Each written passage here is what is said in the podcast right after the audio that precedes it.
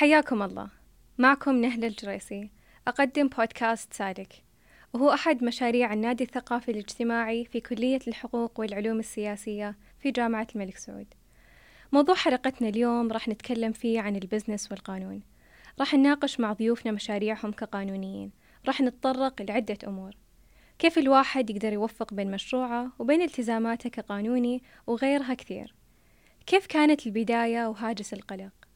ومثل أي طالب يفكر يبدأ مشروعه يكون عنده مثل هذه التساؤلات كيف قدروا يحولون الفكرة إلى واقع؟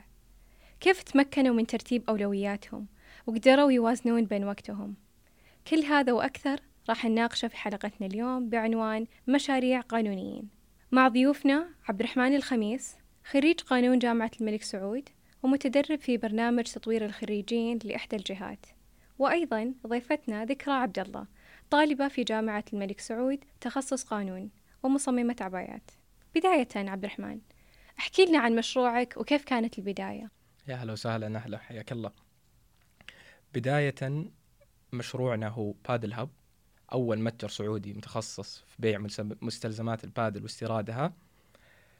بداية مشروعنا كانت من فكرة. كون حنا من مجتمع البادل وكنا نلعب البادل قبل ما نبدأ فيها المشروع وكنا نشوف انه في خلل في السوق لأن ما عندنا مستلزمات البادل. فهذه كانت البداية وبدينا فيها. طبعا الحمد لله مشروعنا بدأ مع بداية السنة هذه. كان وقت صعب بالنسبة لي للبداية بحيث إني كنت جالس أتدرب نفس الوقت جالس أدرس آخر المتطلبين لي في الجامعة وكان بداية المشروع اللي يحتاج لها تركيز أكبر.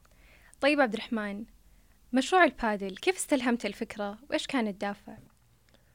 والله الفكرة جتنا زي ما قلت لك كون إحنا ممارسين للرياضة وكنا إحنا في مجتمع البادل من البداية. فبداية كنا إحنا نطلب لأنفسنا وإحنا واصدقائنا يعني نطلب لنا الأشياء ونلعب فيها وحسينا إن الناس بدأوا يسألون وزي كذا يعني بدأت الناس تفهم عن هذا الموضوع. فجتنا فكرة ليش ما نكون الأول؟ طبعا كان في عندنا ناس بادين في الخليج ولكن ما حد بادي في السعودية. فجتنا هذه الفكرة والوالد دائما يقول التاجر تاجر فرص. فشفنا هذه الفرصة قررنا أن نغتنمها ونستثمر في هذا المجال. يعني بالبداية ما كانت الفكرة تجارية بس تطورت. أبدا. كان زي ما أقول لك من كون حننا المجتمع كنا حريصين على المجتمع أكثر. كان بداية لنا حنا وزملائنا بعدين تطور الموضوع وشفنا أن له طلب فقررنا أن ناخذ هذه الفرصة. ليش لا؟ طيب ومتى حسيت بأنك تحتاج تنتقل أنه يكون المشروع تجاري؟ صراحة بعد ما تعمقنا شوي في الموضوع وتواصلنا مع الموردين وشفنا كيف إن إحنا كوننا بنكون الأوائل في السعودية والأوائل في الخليج كيف بيكون لنا آه يعني زي زي ما تقدرين تقولين ادفانتج عن الناس الثانيين. فهذا الصراحة كان شيء جميل في البداية وهو اللي خلانا نتحمس ونبدأ بشكل تجاري أكثر مما هو شخصي. ممتاز. طيب ذكرى. أنت مصممة عبايات. احكي لنا عن مشروعك وبدايتك. أهلا وسهلا نهلا حياك الله. آه، طبعا مشروعي تصميم عبايات. الأمانة هو مشروع حديث نسبيا. آه، كنت أخطط له من آه، فصل الدراسي الماضي لكن كان تخطيط على ورق. ابتدأت التنفيذ الفعلي من الإجازة الصيفية. أول يوم بالإجازة الصيفية ابتدت الرحلة. طيب وكيف جاتك الفكرة من الأساس؟ للأمانة استلهمت الفكرة من جانب شخصي مني. أنا شخصية أحب ال fashion أحب الأزياء أحب التنسيق. يعني عادي عندي أدخل مواقع applications أقعد عليها ساعة ونص ساعتين أنسق ملابس وأطلع بدون ما أهتم بطلبية كذا بس أحب. فسألت نفسي قلت ذكرى ليش ما يعني هذا الشيء اللي أنت تحبينه تستفيدين منه؟ جاتني فكرة أني أفتح حساب بتويتر أسوي تنسيقات وعليها توقيعي. لكن ما ارتحت للفكرة مرة قلت ممكن إنها تضيع وقت وما راح تعود علي بفائدة. سبحان الله بعدها بكم يوم طحت على مقطع في اليوتيوب صراحة ما يحضرني عنوانه. كان متحدث يتكلم أن في استراتيجية يابانية من أربعة أركان. إذا كانت هذه الأربعة أركان في الشخص فالعمل اللي قاعد يؤديه هو مجاله. هو المجال أو العمل اللي راح يبدع فيه. الركن الأول كان يتحدث إذا العمل اللي أنت تسويه تحبه وهذا شيء فيني. الركن الثاني كان يتحدث إذا الشيء اللي أنت تعمل فيه أنت شغوف فيه بحيث أنه لو تعبت لو يعني أمضيت أوقات كثيرة فيه ما راح يعني ما راح تمل. الركن الثالث آه اللي هو أنت تتقن هذا الشيء محترف فيه.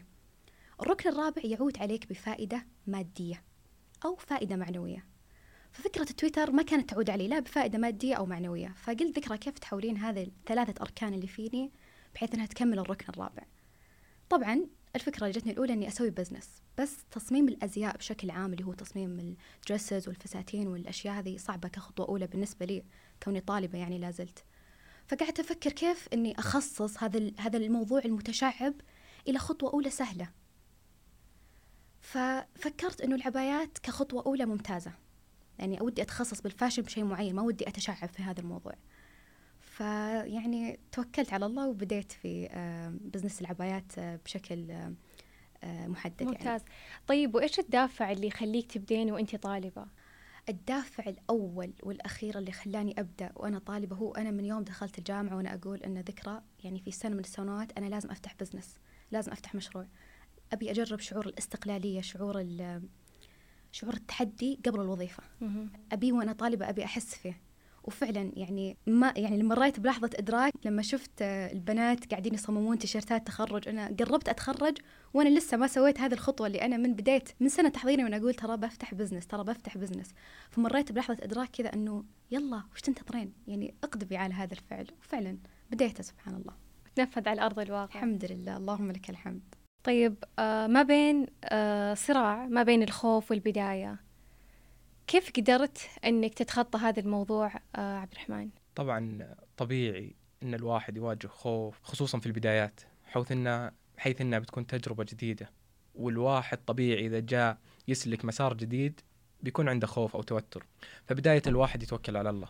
ثانيا الواحد حبه للتحدي وحبه لتحدي نفسه وحبه للإنجاز. ودعم الأهل والأقارب والأصدقاء هو الشيء اللي يخليك تتجاوز هذه اللي يخليك تتجاوز مرحلة الخوف. ويخليك تقدم على الشيء اللي تبي تسويه وتنجز فيه والصراحة الواحد يعني يحرص إنه ما يدقق في المشاعر أكثر ما إنه يبدأ، يبدأ وكل شيء بيسلك مساره. ممتاز. طيب بما إنك تطرقت لموضوع دعم الأهل، كيف شفت آه، دعم الأهل والأصدقاء وكيف كان اثره على مشروعك يعني؟ الصراحة أنا أهلي الحمد لله داعمين بشكل كبير وهم حبهم لي لإني أخوض تجارب مثرية وإني أطلع بفائدة هو اللي حفزني. والأصدقاء كذلك كان لهم دور كبير وتحفيزهم يعني شيء كبير. والشركاء صراحة أنا بديت مشروعي مع اثنين من الشركاء. كان لهم دور أكبر في نجاح المشروع وفي بداية الفكرة وكيف استلهمناها ومساعدتهم لي يعني كان لها معنى كبير. فأعتبرهم هم من أصدقائي قبل ما يكونوا شركائي وهذا الشيء اللي خلانا نستمر في مشروعنا. ممتاز.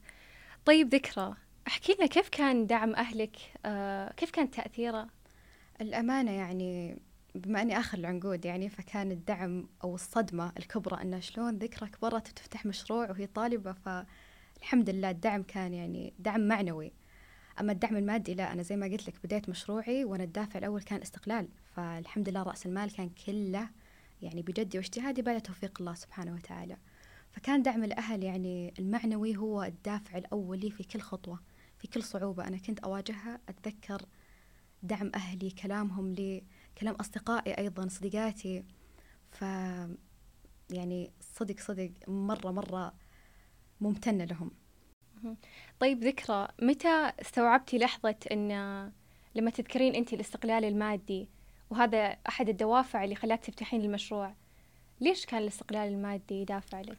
لأن أنا من زمان يعني كذا أنا حاطة في بالي آه، شيء معين أنه ما أبي فقط أنه يعني الوظيفة هي اللي تخليني أستقل ماديا عن أهلي. لا أبي قبل الوظيفة في أشياء تخليني أستقل ماديا عن أهلي. هي بصنع يدي. يعني صحيح أن الوظيفة أيضا بصنع يدي وبتعبي لكن ما في يعني شيء زي ال...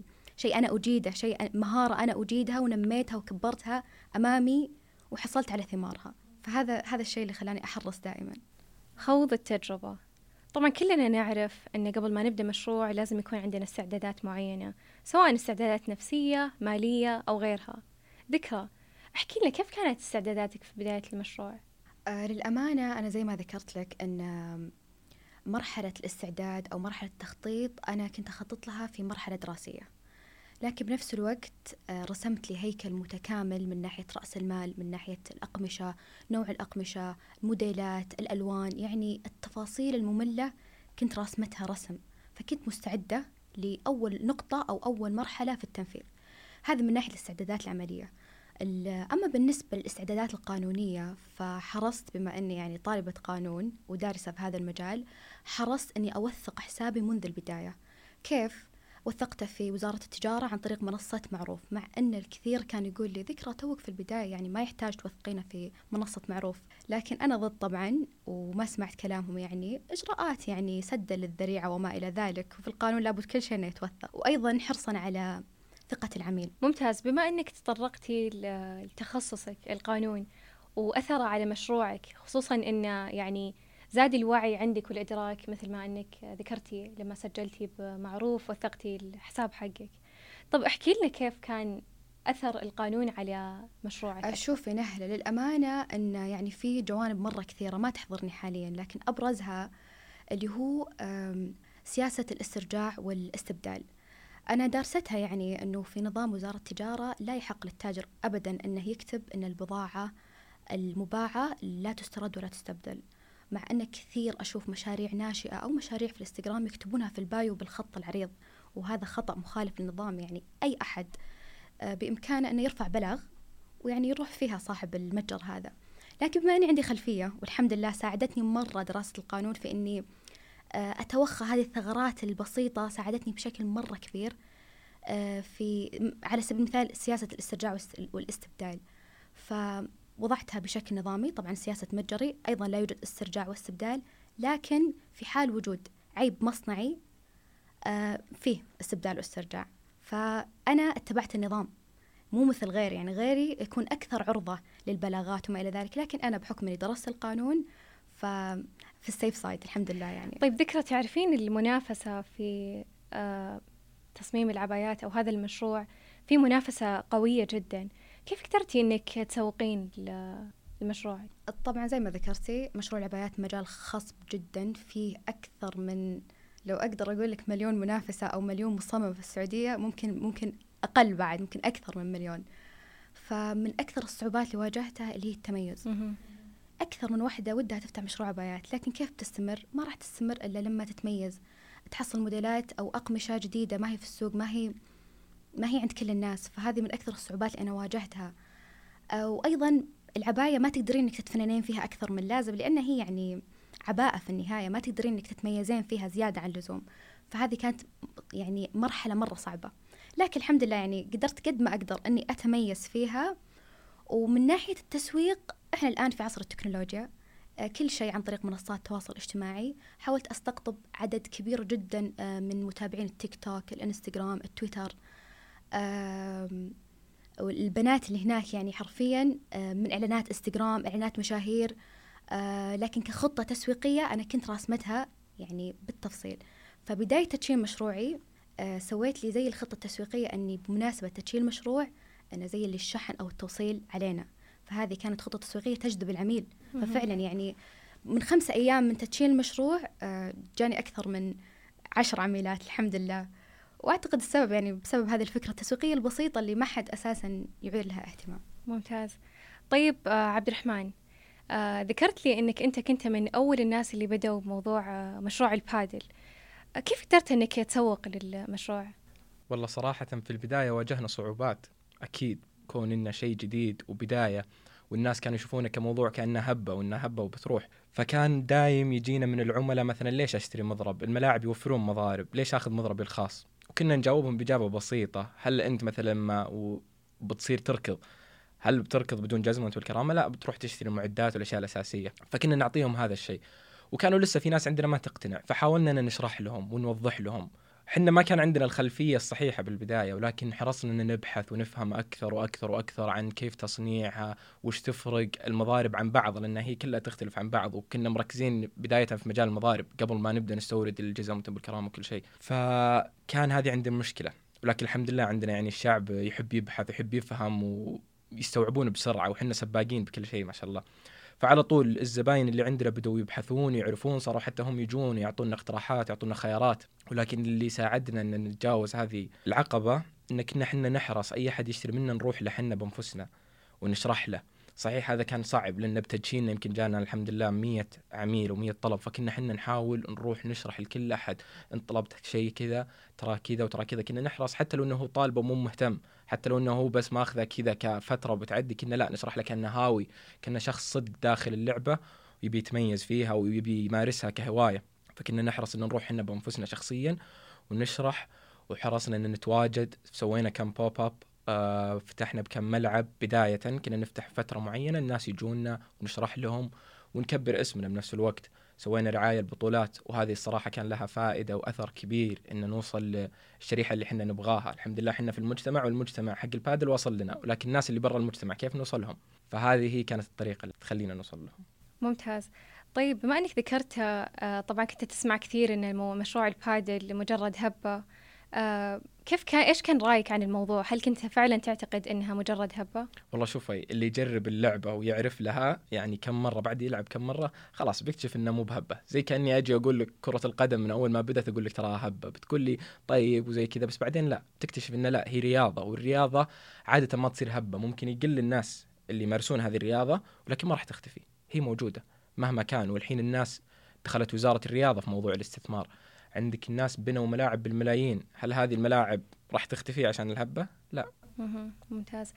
طيب عبد الرحمن آه ذكرت لي إنك آه بداية المشروع ما أدري هل أنت بديته لوحدك أو كان معك آه شركاء بالمشروع؟ لا. حقيقة أنا كان معي شريكين وهم من أصدقائي قبل ما يكونوا شركاء لي. والصراحة كان من أفضل الخيارات إن ندخل المشروع سوا وإن نكون شركاء. لأن الواحد اولا يكسب التجربة اللي يكسبها هو يكسب معه تجربتين زيادة يسمع من شركائه كيف.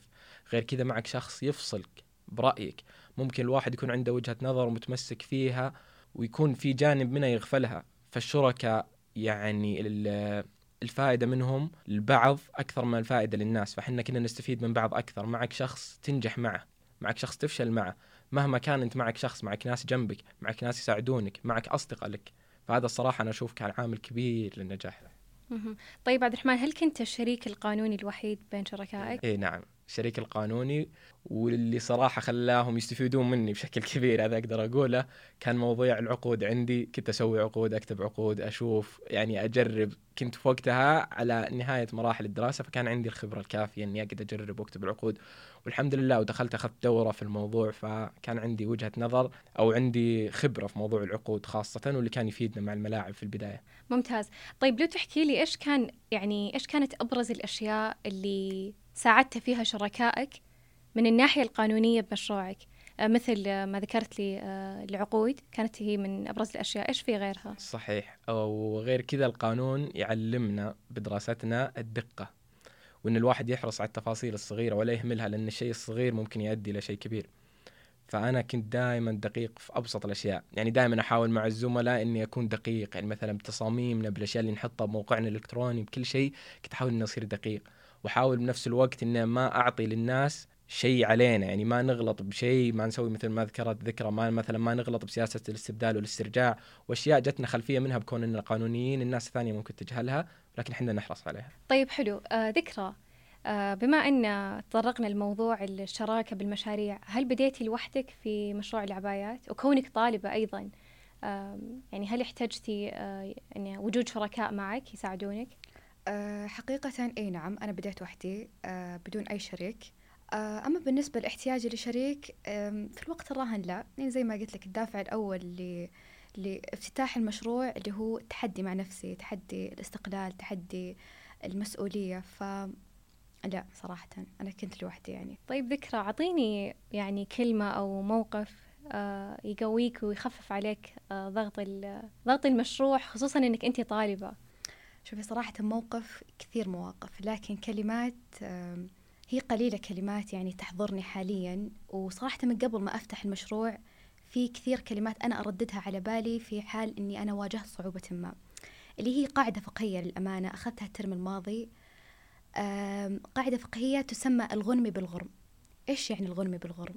يعني الإنسان ما يغنم بأي غنيمة في حياته إلا أنه لابد أنه يدفع ثمنها لابد أنه يغرم بثمنها. فدائما لما أحس بصعوبة في مشروعي أقول ذكرى يا الله صعب. عندي مثلا كويز عندي مد وعندي بكرة تسليم طلب. كيف كذا؟ فأنا أتذكر في بالي ذكرى. أنت تبين مشروعك ينجح تبين توصلين مكان معين. لابد أنك تغرمين. يعني ما في أحد يبي النجاح والنجاح يجي لين عنده. لا لابد أنك تروح أنت تطرق باب النجاح. فالغنم بالغرم. أيضا فيه مثل ثاني بس إنه باللغة الإنجليزية بحكم إنه يعني أنا الآن يعني من ثلاثة زوايا مضبوطه من ناحية إدارة لجنة إعلامية وتسويقية في النادي الثقافي الاجتماعي ومن ناحية إني طالبة في آه، كلية الحقوق والتخصص جدا صعب وثقيل علي. وأيضا من زاوية إني أقوم بإدارة مشروع. فالمثل اللي هو if you can't stand the heat get out of the kitchen. يعني إذا لم تتحمل حرارة اطلع برا المطبخ يعني. هو مثل يعني ينمي شعور التحدي اللي كل ما كل ما كل ما يعني أطري في بالي هذا المثل يعني استقوي فيه عرفتي أكثر. فهذه أكثر أكثر مقولتين تطري على بالي في حال إني صدق وصلت يعني في أسوأ حالاتي أو وصلت إني في انعدام الشغف بعض الأحيان دائما تطري على بالي الغنم بالغرم if you can't stand the heat get out أقوم على طول بعدها أنسى كل التعب. ممتاز. طيب آه، عبد الرحمن ذكرت لي مصاعب في بداية مشروعك بالبادل. هل في شيء كان يقويك يعني؟ أو مثلا كلمات معينة تتذكرها مقولات أو غيرها؟ صحيح. آه في البداية حنا الحمد لله عندنا أكبر نعمة كنا مسلمين ودين الإسلام. فعندنا نتعلم من يومنا الأول الصبر وكيف أثر الصبر على حياتنا وعلى مشاريعنا وعلى كل شيء. فالصبر له أثر كبير. دائما كل ما واجهنا مصاعب أو شيء نعرف إن الحل هو بالصبر.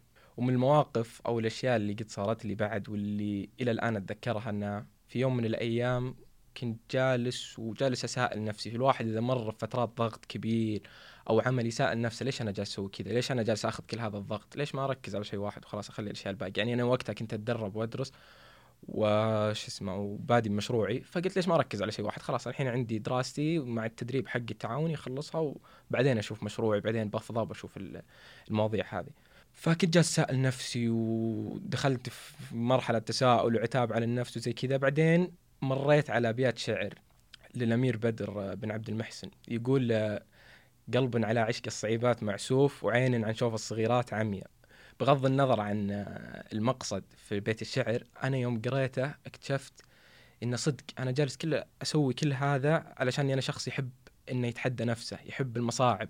الشيء أصلا ما يصير له طعم إلا بعد ما تبذل جهد علشانه.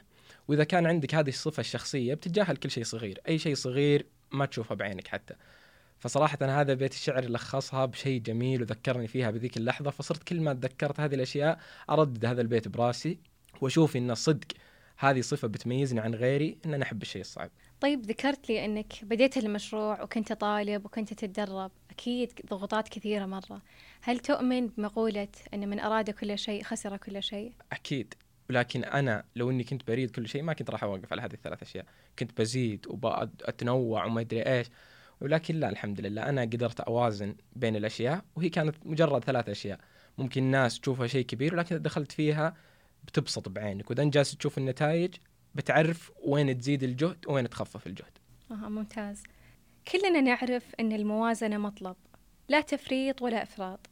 حابة أعرف عنكم أكثر. بما أنكم طلاب وسويتوا مشاريع وأنتوا طلاب أثناء مرحلتكم الجامعية كيف قدرتوا توازنون بين حياتكم العملية والدراسية والاجتماعية؟ نبدأ معك ذكرى أه طيب بحكم أن في أنا يعني في مرحلة البداية في مشروعي تم تدشينه في الشهرين السابقة فلا زلت في طور التوازن أه بالنسبة للحياة العملية والحياة الدراسية بحكم صعوبة تخصصي يعني وزي ما ذكرت أنه أمسك إدارة في إحدى اللجنات في النادي الثقافي الاجتماعي فلا زلت في طور التوازن يعني لا بحكم أيضا أن تونا بادين دراسة قبل ثلاث أسابيع فلا زلت في طور التوازن وإن شاء الله إني قدها يعني. أما بالنسبة للتوازن بحياتي الاجتماعية والعملية فالحمد لله ما عندي مشكلة. منذ البداية وأنا يعني الشغل شغل والصديقات صديقات والطلعات طلعات ومنذ البداية يعني أنا موازنة الحمد لله. فما أواجه صعوبة من الناحية العملية والاجتماعية الحمد لله. ممتاز.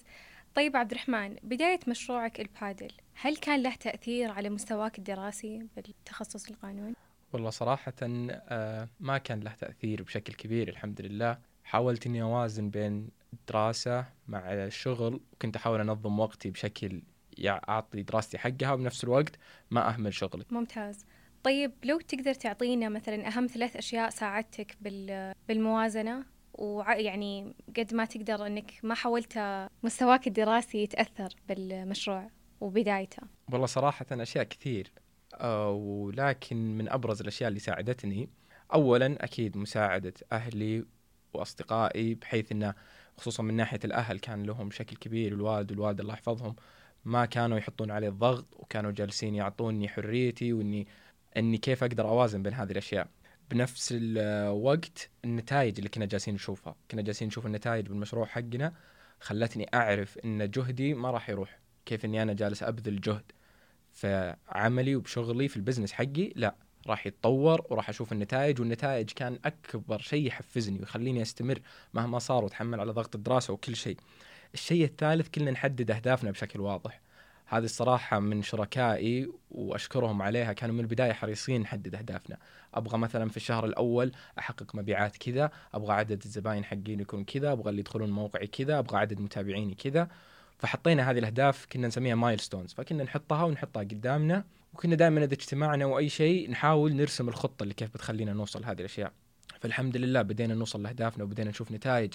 بدوا الناس يعني بدوا مستثمرين يكلمونا وزي كذا لكن الحمد لله كنا مكتفين نبغى الشغل بيننا وحرصنا. وزي ما قلت حنا صداقتنا هذه كان لها شيء يعني أبعاد كبيرة في ان نستمر وننجح في مجالنا. ممتاز، طيب مع ذكرك للأهداف اللي وضعتوها آه، والنتائج اللي وصلتوا لها وحققتوها، أكيد انه كان في تخطيط مسبق وفي خطة معينة كنتوا تمشون عليها أو يا توضح لي أكثر يعني. والله صراحة في البداية ما كان عندنا خطة أساسية يعني ما ألعب عليك وأقول لك كان عندنا.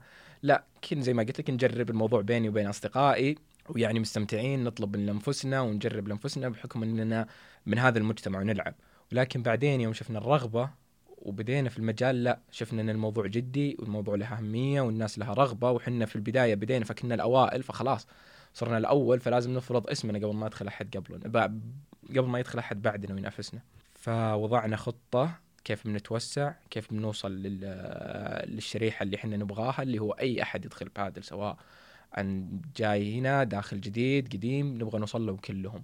وهذا اللي حطينا خطتنا إن نتواجد بكل مكان في البطولات في الملاعب حاولنا نتواجد. حتى ما تواجدنا باسمنا كبادل هاب لا نتواجد إحنا كأشخاص نلعب الناس يسالوننا يسولفون معنا. إحنا كثيرين في المجتمع حق البادل فبيعرفونا. يعني أي أحد بيعرفنا إحنا الثلاثة. طيب كيف وصلت المجتمع البادل؟ كنا نلعب من قبل باختصار. وتوسع الموضوع أكثر. طيب ذكرى مع بداية مشروعك والأشياء اللي مريتي فيها وخذتي التجربه كاملة يعني لو تعطيني إيش أبرز الأشياء اللي ساعدتك بالمشروع؟ آه طبعا بالإضافة إلى الأشياء اللي ذكرها عبد الرحمن آه من ناحية الأهل والأصدقاء في بدايتي صراحة إنه أنا لازلت يعني في في البداية من أكثر الأشياء اللي ساعدتني اللي هي آه سماع البودكاست وقنوات معينة في اليوتيوب. وصراحة أنا أهدي قناة آه، دوبا ميكافين لأي شخص حاب إنه يفتح مشروعه أي شخص حاب إنه يقبل على خطوة جديدة في حياته يغير منظوراته الفكرية يغير سلوكياته اليومية. قناة جبارة بكل ما تعنيه الكلمة من معنى ساعدتني مرة كثير أني أخطو الخطوة الأولى. وزي ما قلتي أنت وعبد الرحمن الخطوة الأولى هي قرار جدا صعب. فقناة دوبا ميكافين والمتحدث اللي هو ناصر العقيل كان يعني يساعد الشخص إنه يخطو الخطوة الأولى انه أنت تقدر يعني غيرك يقدر. التجار هذول يقدروا المؤسسات اللي نشوفها في الشوارع مفتوحة كلهم يقدروا أنت ما راح تقدر. فأنا أهدي هذه القناة لكل شخص أو كل طالب وطالبة متردد في فتح مشروعه. ابدوا هذه القناة حلقة حلقة وبالتوفيق. طيب بما إنك ذكرتي البودكاست والأشياء اللي ساعدتك هل في كتب معينة كانت آه، يعني كانت الحافز لك بإنك تبدين مشروعك؟ اي نعم. صراحة كثير من الكتب لكن أبرزها وكانت كتب يعني تخص الجانب المالي كتاب الأب الغني والأب الفقير كتاب آه، من حرك قطعة الجبن الخاصة بي. هو صراحة مو عن الإدارة المالية أو شيء وفقط يعني يتحدث عن كيف الإنسان يتعامل مع التغيير أو التغيرات اللي تواجهه. فبحكم أن أنا فتحت مشروع في تغييرات كثير أنا واجهتها ففي صعوبات أنا قاعدة أواجهها. فالكتاب أو الكتب اللي أنا قرأتها يعني نمت لي زي المبادئ زي الحصانات بحيث إني لما أقع في أي صعوبة أتذكر جمل معينة من الكتاب أو شيء زي كذا. فايضا بالإضافة إلى قنوات اليوتيوب والبودكاست والأهل والأصدقاء في كتب كثيرة جدا تساعد الفرد إنه يبدأ الخطوة الأولى آه، يعني ينجح مشروعه بإذن واحد أحد بالحصانات والمبادئ اللي هو يستقطبها من الكتاب. آه طبعا ذكرى أنت تتعاملين مع آه كثير أشخاص كونك بديتي مشروعك آه وكثير عملاء. من مختلف الفئات مختلف الجنسيات مختلف الثقافات وغيرها. طيب لو تذكرين لي يعني هل في صعوبات معينة كانت تواجهك أثناء تعاملك مع العملاء؟ طبعا شوفي معيار نجاح أي مؤسسة أو أي مشروع هو نجاح خدمة العملاء.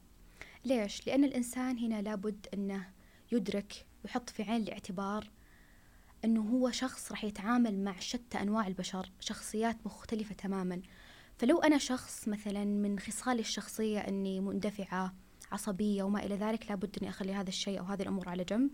وأنا الآن فاتحة business لابد أغير هذه كل كل الخصال الشخصية اللي ممكن تأثر على business ي أخليها على جنب.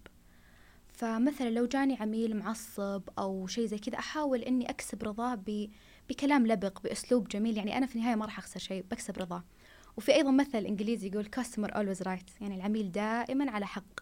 فلازم أي تاجر أو أي شخص بادي مشروعه يستحضر هذا الشيء إن العميل دائما على حق. يعني خله يقول اللي يقول خله يعني يقول اللي في اللي في خاطره. أهم شيء اي الواحد لابد إنه ما ينفعل ويشوه سمعة مشروعه. لأن زي ما قلت لك معيار نجاح أي مؤسسة قائم على اللبنة الأساسية اللي هي خدمة العملاء. نهاية الرحلة. عبد الرحمن بعد ما أخذت التجربة في مشروع البادل ممكن توصف لي تجربتك بكلمة؟ صراحة هذا موضوع صعب إني أوصف تجربة وأشياء كثير بكلمة واحدة ولكن لو بحاول أختصرها بقول لك دروس. علمتني دروس مهما مجال ال business أنا هذه ثاني مرة أدخل مجال ال business. مرة كنت وأنا توني متخرج من الثانوي والآن على يوم جيت بتخرج من الجامعة. فالدروس اللي تتعلمها من ال business سواء نجحت سواء فشلت سواء في كل يوم تتعلم دروس. هي حياتنا أصلا تفاوض وتعامل مع الناس. كل يوم أنا أتعامل مع واحد كل يوم أروح أخذ قهوة كل يوم كذا. فكلها هي تفاوض مع الناس. فإذا أنت تفهم هذه وتفهم ال... وش يصير من وراء المنشآت والكيانات هذه والأشياء أنت تعلم. مهما صار هذه الدروس بتفيدك مع التعامل مع الناس مع نفسك مع كيف طريقة تفكيرك. فالبزنس بالنسبة لي والتجربة هذه دروس مهما كان المجال تدخل فيه بتتعلم. طيب تقدر تذكر لي يعني أبرز الدروس اللي استفدتها؟ يعني كيف استفدتها أو كيف حولتها الصعوبات آه، أو التحديات إلى دافع لك؟ طبعا من أول الدروس اللي هو لا تسمع كلام الناس. إذا كنت أنت مقتنع بشيء فحنا كنا مقتنعين وكانوا كل الناس يقولون لنا لا ما في هبة وزي كذا وما أدري إيش إلا ما كانوا اللي فاهمين معنا. فدائما إذا كان أنت عندك إحساس وأنت فاهم منه ما أقول لك تصير متسرع ولكن لا. ابحث عن الموضوع إذا أنت كنت متأكد منه لا تسمع رأي الناس لأن ما حد أبخص في الموضوع إلا أنت. فهذه الصراحه من الدروس اللي تعلمتها وتعلمناها من البداية يعني شفنا كيف الإقبال وحنا كنا الأوائل بالناس إذا بالعادة الناس اللي جو يبدون ويشوفون نفسهم هم الأول لا يخافون ويرجع يقول ليش خلني أشوف الناس يجربون بعدين أنا أجرب معهم. ولكن لا إن الواحد يكون الأول في المجال ويجرب ويكون هو الناس هو المثل الأعلى للناس اللي بتوصل له. هذه درس يعني استفدت منه الكثير ويعني الحين أحاول أطبقه بكل شيء إني أكون أنا أجيب شيء جديد. ممتاز. طيب ذكرى في مشروع آه تصميم العبايات تقدرين تذكرين لي أو توصفين لي تجربتك بكلمة؟ صراحة زي ما ذكر عبد الرحمن صعب جدا إني أذكر تجربة كاملة في كلمة. لكن business ذكرى اللي هو TH designed by ذكرى أقدر أوصفه بثلاث كلمات. هو شغف هو متنفس وهو تحدي. لكن تحدي مع مين؟ مو بتحدي مع بقية المصممات ولا هو تحدي مع المنافسات لا هو تحدي مع ذكرى تحدي مع ذاتي أنا طيب آه الطلاب الحين وطالبات بالجامعة مثلا أو حتى بالمدرسة لما يبغون يبدون أو يفكرون حتى بمشروعهم بداية مشروع آه تخطيط لمشروعهم أو غيره إيش هي نصايحك لهم؟ الصراحة أبرز نصيحة بقدمها لأي طالب أو طالبة أو بشكل عام أي شخص حاب أنه يقدم على افتتاح مشروع الخاص. أبغى أقول له لا تنتظر فرصة. كن أنت الفرصة بحد ذاتك أو قم أنت بإصناع بصنع هذه الفرصة. أيضا أقول له لا تنتظر أن الظروف تصفى لك أو أن الحياة تكون على وتيرة واحدة. هي الحياة ما صفت لأنقى وأصفى البشر محمد عليه الصلاة والسلام. فلا حد ينتظر الظروف تصفى له أو الحياة تكون على وتيرة معينة بعدين يفتح بزنسه. لا والله بفتح بزنسي إذا ص... إذا ضبطت أموري أو شيء لا. أنت فقط مر بلحظة إدراك أن أنت مستعد ومر بلحظة إدراك أن أنا الفرصة. أنا راح أقدم شيء كبير لنفسي ولعائلتي ولمجتمعي وطني وكل الناس. ممتاز. طيب عبد الرحمن لو تقدر تعطيني آه، نصيحة لكل طالب يفكر يبدأ مشروعه إيش بتكون؟ والله الصراحة أنا كنت مجهز نصيحة ولكن ذكرتها الأستاذة ذكرى. أنا أقول لك ابدأ مهما كان ابدأ. ابدأ مهما كنت ما وين كنت وين صرت وين, وين مجالك وش أنت ابدأ. لأن إذا تبدأ كل شيء بتشوفه بعدين كل شيء بيوضح لك. قبل ما تبدأ بتشوف الطريق مشوش بتشوف الدنيا صعبة لكن لما تبدأ كل شيء بيتسهل. لأن لو بتجلس تنتظر الفرصة الصحيحة بتنتظر الوقت الصح بتنتظر لما تفضى بتنتظر كل هذه الأشياء اللي الناس تتعذر فيها ما راح يجيك ابدا. ابدا ما راح يجيك الفرصة إنك تبدأ. وغير كذا دور الأشياء اللي تضغطك دور الأشياء اللي تحطك في ضغط لأنه يقول لك pressure makes diamonds فإذا أنت تبي تصير شخص إذا أنت تبي تصير مختلف إذا تبي تصير أنت تواكب التغيرات اللي حنا فيها حنا الحين بصدد رؤية يعني من قبل الملك الله يحفظه وسمو ولي العهد فحنا مقبلين على تغير كبير فأنت لابد إنك تكون مختلف عشان تواكب هذا التغير. مو بتكون مثل أي أحد. فدور الأشياء اللي تضغطك دور الأشياء اللي تطلعك شخص غير عن الناس. يعني كنت دائما تطلع آه، خارج منطقة الراحة بالضبط. آه عشان إنك آه، تقدر تبدع يعني بال صحيح بالضبط. منطقة الراحة هي حلو إنك تريح فيها بس بعدين خلاص. نشكر فريق بودكاست سالك وكل من ساهم في إنتاج هذه الحلقة. شكرا لكم ضيوفنا ذكرى وعبد الرحمن وشكرا لمستمعينا. لا تنسون تشتركون معنا بالبودكاست لتصلكم حلقاتنا. وضيفونا على حسابنا بتويتر راح تلقونا بالوصف. ونرحب باقتراحاتكم لأي موضوع أو ضيف عن طريق الإيميل. شكراً.